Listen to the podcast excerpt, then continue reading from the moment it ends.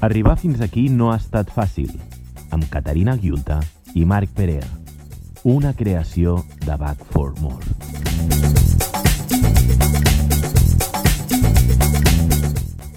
If you never failed, you never lived. És com diu la dita.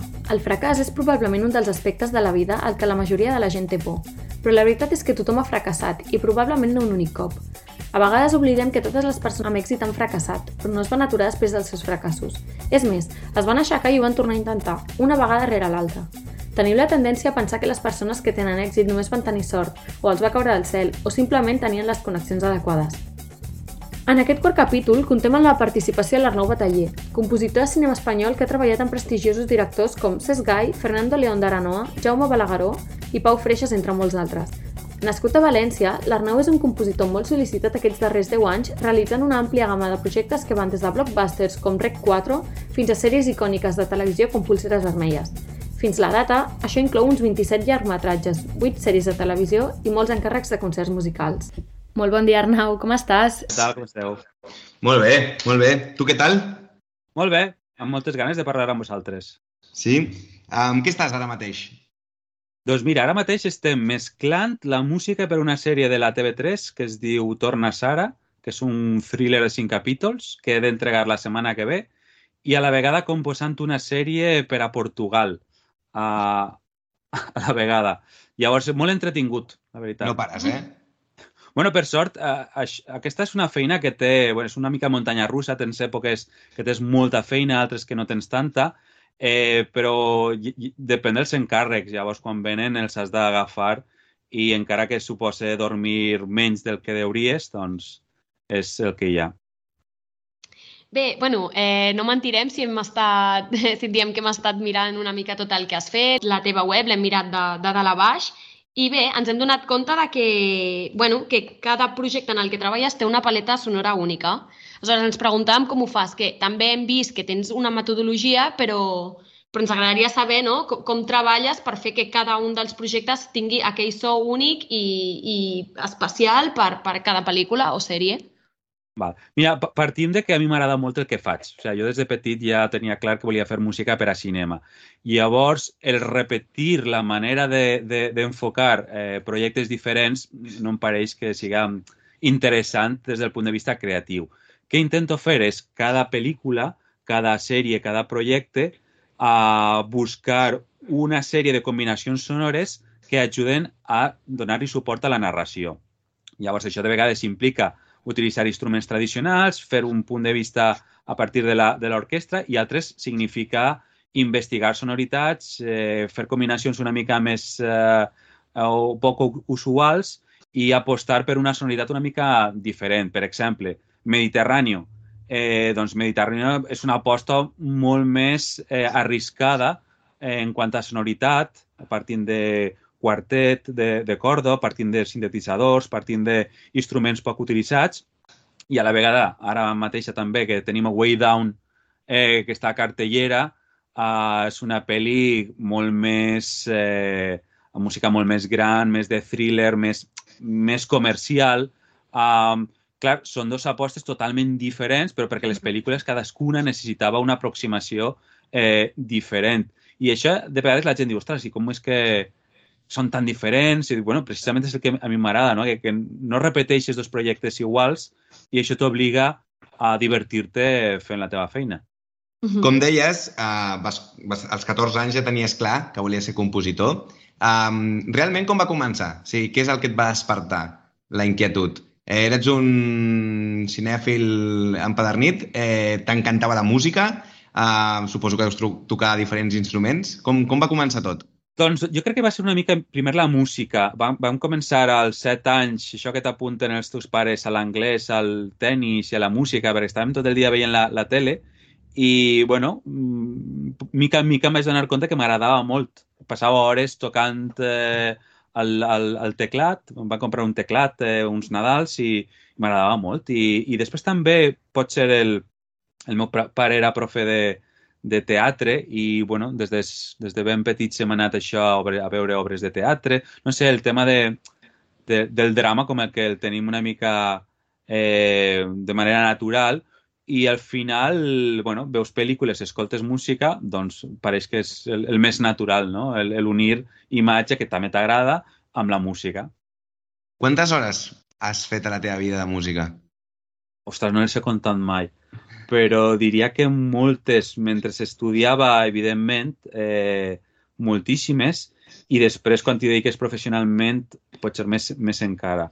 Eh, si us serveix d'anècdota, aquest dilluns estava gravant la música del, del, de, la, de la sèrie aquesta i, bueno, eh, com sempre, canvis d'últim moment i, i, i, bueno, estava el diumenge a les 6 de la matinada, estava acabant partitures per a gravar el dilluns a les 10 del, del matí.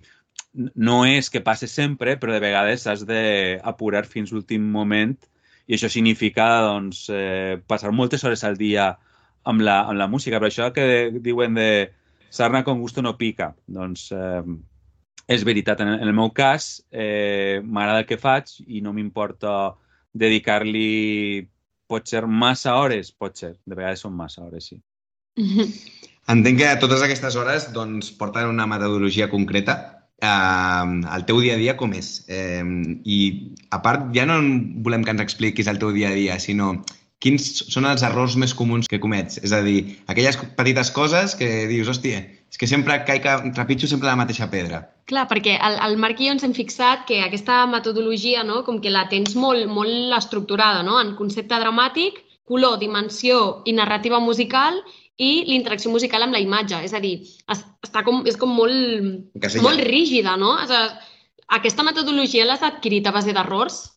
Sí, sí, sí. Eh, bàsicament, aquesta metodologia la tinc perquè, com també faig classes de composició, això t'obliga a poder explicar a l'altra gent. Eh, llavors, a, arriba un moment en què tu fas les coses, no saps ben bé per què les estàs fent, però quan intentes explicar-les i racionalitzar-les i organitzar-les, dius, ostres, si normalment faig això, després faig això, després faig allò. Després, una altra cosa que a mi m'agrada molt és de cada projecte eh, intentar eh, descobrir què és el que millor ha funcionat i què és el que ens agradaria canviar. I aquí, de vegades, doncs, què m'agradaria canviar? pot ser alguna cosa tan senzilla com algun element del meu estudi. Doncs, ostres, eh, perdo molt de temps buscant funcions dels programes. Doncs potser compraré un controlador o faré servir un iPad per a tots els shortcuts, per a aquells uh, combinacions de tecles que perdem molt de temps, doncs tenir-les més per la mà. O em, em costa molt la part d'arribar a una idea. Eh, Escriure-la, eh, fer música quan tens una idea, és relativament ràpid. El que eh, eh, dediques més temps és a tenir el concepte sonor, eh, quin tipus de música, quina funció tindrà en la pel·lícula, i això és una part que, que abans no li dedicava tant de temps i que ara no m'importa, perquè abans, bàsicament, quan començava, era necessitava tenir ja música, és començar a produir. I, i m'he donat compte en l'experiència que val la pena dedicar més temps a pensar i tenir una idea sòlida a partir de la qual poder realitzar la música. Perquè mm -hmm. normalment quan tu fas d'aquesta manera eh, t'estalvies feina, en el sentit de que la proposta inicial serà més bona i normalment després el procés serà més, més ràpid. Llavors, és una mica combinació de tot, de vegades que t'has equivocat, experiència que vas agafant, veus pel·lícules que vas fer fa, fa uns anys i dius, ostres, això m'agrada, això no m'agrada. Mm -hmm. uh, jo què sé, si jo comparo amb com feia la música al principi eh, dona la sensació de que hi havia molta música o que no estava tan ben uh, col·locada. Ara tinc molta més cura amb això, com entra, com surt la música, perquè està funcionant. Um, de, de vegades això no necessita música, que, que també sempre dic que és una de les funcions del compositor, dir aquí no necessitem uh, música. Doncs tot això ho vas uh, racionalitzant. Al final no saps per què ho fas, però et dones compte que sí, que estàs seguint un, una metodologia i bueno, la intentes explicar i t'obligues a organitzar-la. Um, ara que parlaves de metodologia, hem llegit que sempre treballes amb, Marc, amb el Marc Blanes. Sí. Um, és, realment, sou un dream team? És un binomi que, que no podeu separar? Hem llegit que heu estat més de 10 anys junts? Doncs per a mi sí. Per què? Perquè és molt important quan estàs treballant i quan estàs en situacions de, de tensió, per exemple, de calendari o d'has de fer canvis, tenir algú amb el que et pugues entendre a molts nivells. Un és el tècnic, l'artístic, però després també el personal. Uh, dona la casualitat això de que el primer curtmetratge que vaig fer, uh, que requeria una gravació d'orquestra, el vaig fer amb, amb, amb ell. Uh, me l'havia recomanat el Javier Navarrete, que li vaig fer unes orquestacions del Laberinto del Fauno, i, i bueno, vam començar a treballar i la veritat és que hem treballat moltíssims projectes. Llavors, treballar amb el Marc em dona la seguretat de que tècnicament estic treballant amb, amb, un, amb un mesclador top, probablement serà dels mescladors que més està treballant al cinema actualment, i després que, que és un luxe perquè t'oblides de que està en el bon sentit de la paraula, no, no, no és algú que pu puga donar problemes d'això no es pot fer o això uh, ho hem de canviar, tot el contrari, i ja ens entenem moltíssim. I a més també li agrada menjar com a mi. Llavors, entre, quan parem de, de mescla, fem un bon dinar, uh, comentem coses, vull dir que hi ha molta afinitat i això després es nota a l'hora de treballar, perquè quan vas a mesclar vas amb, amb, amb ganes. Eh, I crec que és, a mi em pregunten moltes vegades, ostres, tu com has arribat o, o, o quin consell em, em dones per a arribar a, a cert nivell? Bàsicament que t'agrada molt el que fas i que gaudeixes tant el que fas que, que no t'importa això, dedicar-li una mica més, anar una mica més enllà, esforçar una mica més. Doncs amb el Marc passa això, no? Hem de mesclar i penses, bueno, i després farem un bon dinar. Doncs cap problema. Ara que ens deies, ens estaves explicant que veu començar gravant amb una, amb una orquestra sinfònica. Uh, també hem llegit que va ser unes persones que va gravar una banda sonora en el Liceu. Uh, realment, com a professional, imposa tant com diuen? és, eh, sents certa por o, sense, o certa responsabilitat? Com vas afrontar sí. aquest, aquest repte? Sí, sí, perquè normalment quan gravem amb, amb orquestes són orquestes que ja estan molt acostumades a la dinàmica de, de, de gravar per a cinema. La, la dinàmica de cinema és una mica diferent al que seria la dinàmica d'una orquestra tipus Eliseu. Per a que us feu una idea, seria com comparar el teatre amb el cinema.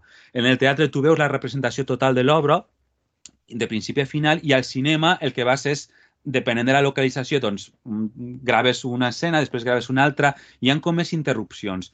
A, a la música de cinema passa igual. Tu graves fragments, no ho escoltes tot, tot en continuïtat, has d'estar pendent del metrònom, per tant, els músics han de tocar amb claqueta. Uh, és a dir, hi, hi ha molts micros també, no es poden moure molt, si respiren molt es grava, això no ho poden fer. Llavors jo estava una mica acollonit de, ostres, eh, a veure com responen si els agrada, si els pareix interessant també.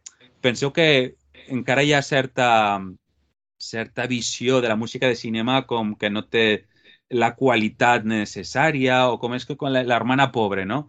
Llavors, en, en una mica més respecte, però va ser interessant perquè va ser tot el contrari. Uh, al fer una cosa tan diferent, que no estaven acostumats, la van agafar amb moltíssimes ganes, es va aparèixer tot com, com nou, eh, diferent, la música també eh, era diferent de la que ells eh, fan normalment, els feia, els demanava alguns efectes, algunes sonoritats que, que, que no estaven acostumats a fer i s'ho van passar molt bé i, i això va ser eh, realment eh, una injecció de, de, de moral, no? veure que músics tan bons doncs, estaven gaudint de la teva música, del procés i, i que en cap cas va haver cap situació uh, de això no ho podem fer o no ens agrada fer. Tot el contrari, la veritat és que ho van donar tot. Sabem que, bueno, que has estat nominat a, a un Goya no? per la millor banda sonora d'aquesta fantàstica pel·lícula que és Mediterráneo. Bueno, primer de tot, moltíssimes felicitats. Gràcies. Eh, eh, però, bueno, volíem, com bé saps, aquest eh, podcast és per parlar de, dels fracassos, no? dels premis, que també està bé celebrar-los quan s'han de celebrar, però vaja, sabem que te, tens més de 27 pel·lícules a l'esquena, com Héroes o per, Perdona si te llamo amor, no? aquestes serien unes de les més reconegudes. Alguna d'elles ha guanyat algun premi? O quina d'ella creus que no ha guanyat un premi i sí mereixia guanyar-lo? Bueno, és, és molt interessant perquè això dels premis és, és bàsicament una, una loteria i com tu ben dius, mm, portava ja moltes pel·lícules i mai havia tingut cap tipus de, de, de nominació. Eh, he estat tres vegades nominat als Gaudí i no he guanyat encara cap, vull dir que això... sóc la persona ideal per a parlar de... No és un fracàs, eh? perquè jo crec que estar nominat ja és un gran premi, però ja que estàs allí se't queda cara de, ostres, he vingut aquí i no em donen res. Uh, de fet, la primera vegada que vaig estar nominat uh, per Herois, estava convençudíssim de que l'anava a guanyar perquè perquè, bueno, perquè la pel·lícula tenia 10 nominacions, la música destacava molt dins de la pel·lícula i havia tingut molt bones crítiques, llavors la teva inexperiència dins d'aquest món et fa pensar que, que això farà que, que guanyes. I hi ha molts altres components, a més del que, dels que tu pugues pensar que fan que guanyes o no un, un premi. La meva primera pel·lícula també, La herència Valdemar, que va ser una pel·lícula que no va funcionar molt a, als cinemes, però que tècnicament ostres, tenia un nivell de producció molt gran. De fet, és la, la pel·lícula que he gravat amb, amb una orquestra més gran i, i amb un equip tècnic bestial. Uh, no he tornat a treballar amb una orquestra tan gran com, com aquella. Uh, llavors, en aquell moment també pensava que, que mereixia una nominació, però també al, al ser primera pel·lícula, no et coneixen dins del món de la indústria, doncs això també afecta. L'únic premi així, diguem-ne, equivalent que he guanyat eh, va ser el, el premi de la, de, de la indústria valenciana, que és l'equivalent a... Ara es diu Premis Berlanga, que és l'equivalent al Gaudí als Goya a València, mm. Per eh, Vivir dos veces, que va ser fa, fa dos anys.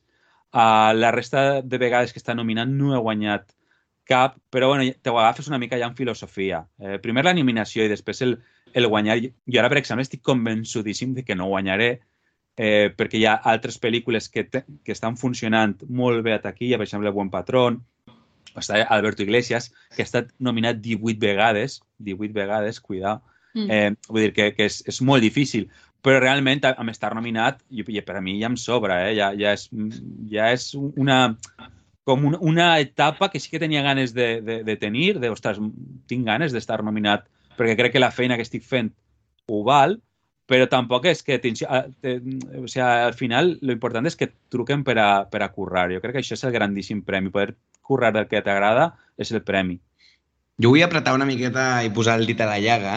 Um, quan ara dius que el, el que val és el reconeixement i que et tornin a trucar per treballar, però realment com ho portes anímicament quan estàs sentada a la gala i sents que no és el teu nom el guanyador? Mira, abans ho portava prou mal al principi.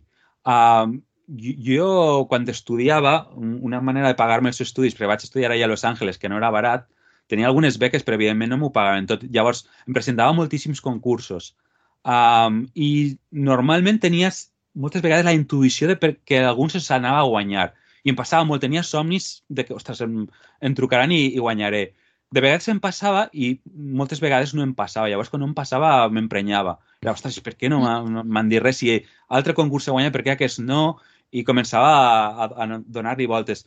També em passava al principi de, de la meva carrera, no, no va ser fàcil, és a dir, jo vaig passar com sis anys entre que vaig acabar d'estudiar i que vaig poder fer la meva primera pel·lícula, L'herència Valdemar.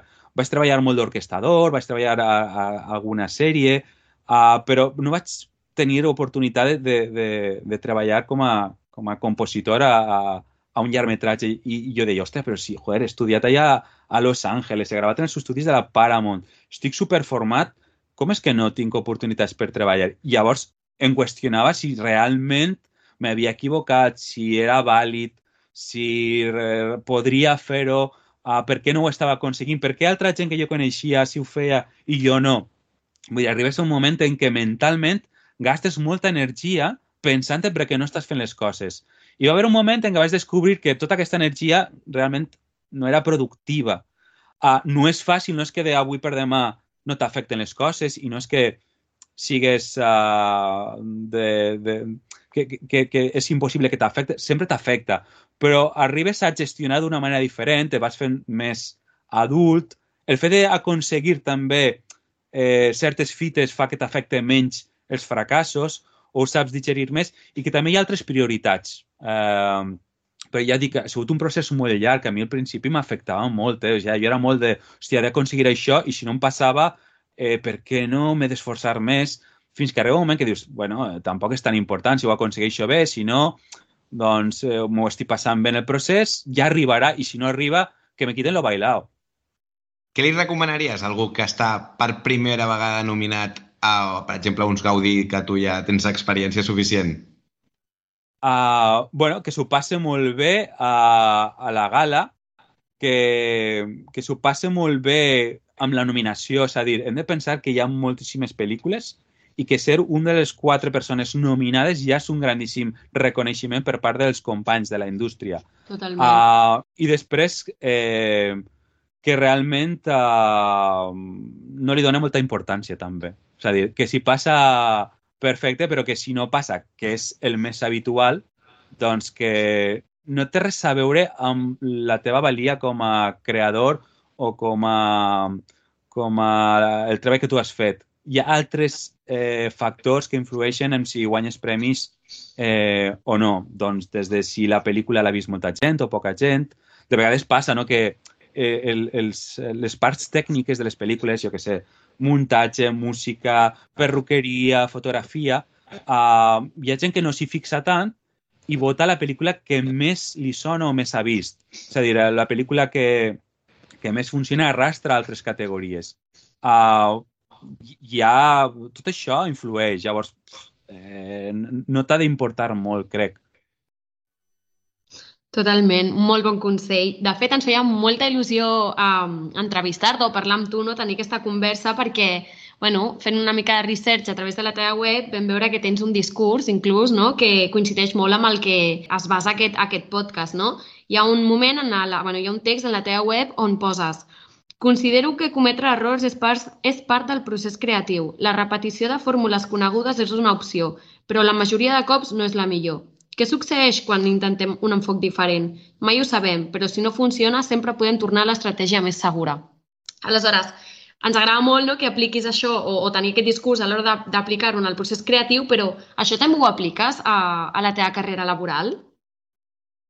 Bueno, sí, en el sentit de que de vegades eh, eh, apostes amb, amb gent a la qual no has treballat eh, i no saps si eh, sortirà bé tampoc saps realment, coneixes fins a quin punt l'altra persona vol arriscar, igual que tu vols arriscar.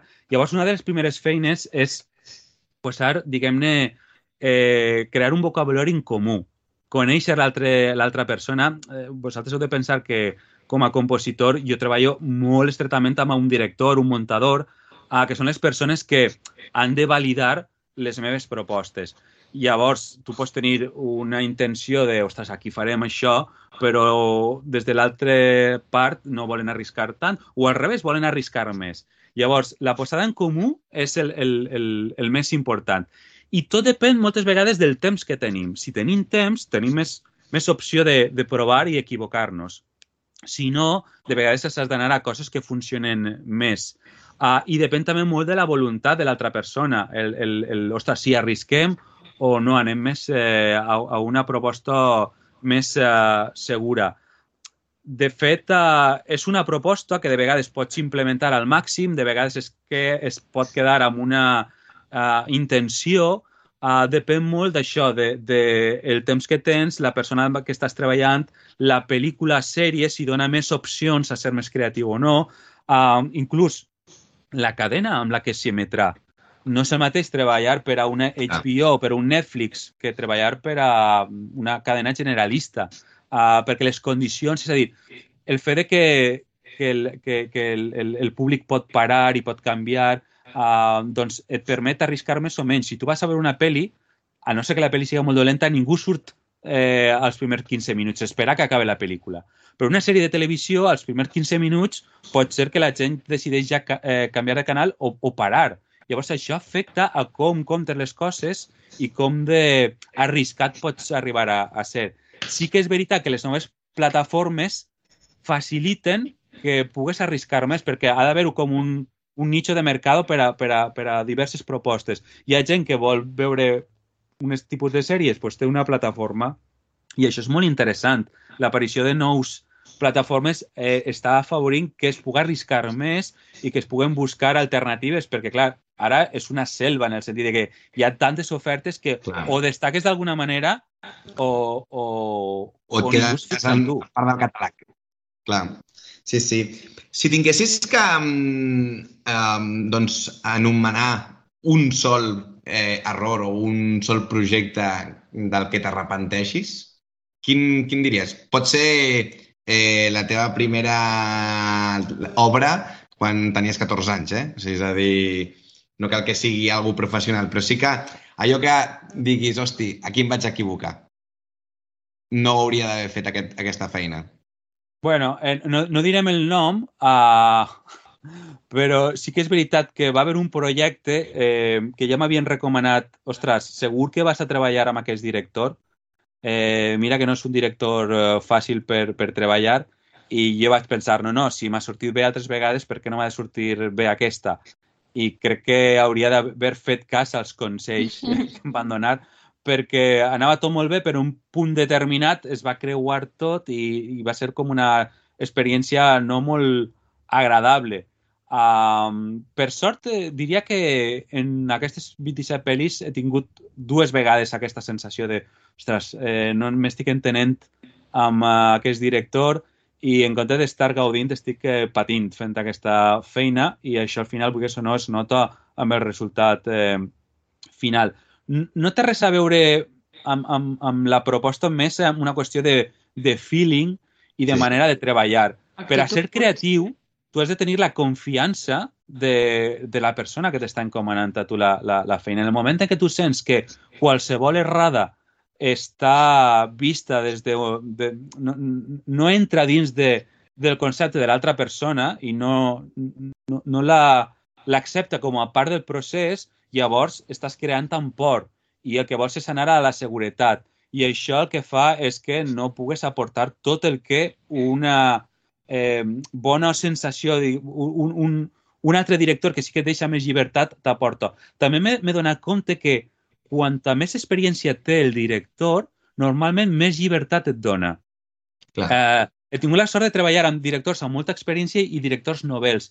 I és curiós com que eh, de vegades amb els directors novels eh, et donen menys llibertat per a, per a treballar, eh, perquè tenen com una idea molt més tancada del que volen i no estan tan oberts a rebre input. A mi també em passava al principi.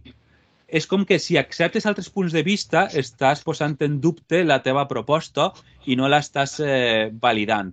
Llavors això al principi et crea inseguretat, però també arriba un moment en què escoltar, donar-te compte que potser la teva proposta no és la millor, l'acceptes com a vàlida, inclús de vegades com a una part molt enriquidora, no? D'ostres, doncs, té raó, això no ho he vist i, i, i no passa res per admetre-ho. I a mi al principi sí que m'afectava, no, ostres, no, no, això no és idea meva, per tant no, no, és, no és vàlida. Bé, ara per acabat farem unes petites preguntes, o sigui, són petites de... Ai, són petites, són preguntes de resposta ràpida. ràpida. Aleshores, tampoc hi ha molt temps per contestar, ¿vale? Serà ràpid i indolor. Sí. ja veuràs com no fa mal. Vale, comencem. Si no fossis compositor, quina altra professió t'hagués agradat exercir? Publicista. Director amb qui t'agradaria treballar? Eh, ostres... Uh... Aquí t'hem pillat. Almodóvar. Estudiar o treballar? Les dues coses. El que més odies de ser compositor? Els horaris. I el que més t'agrada? Uh, la creativitat. I per últim, quin és el teu compositor referent, si és que n'hi ha? Uh, mai el recordo, no tinc cap compositor referent. Tinc molts que m'agraden, però no tinc així un icònic. Bueno, millor, així estàs més obert a, a influenciar-te de, de grans sí, professionals. Sí, sí.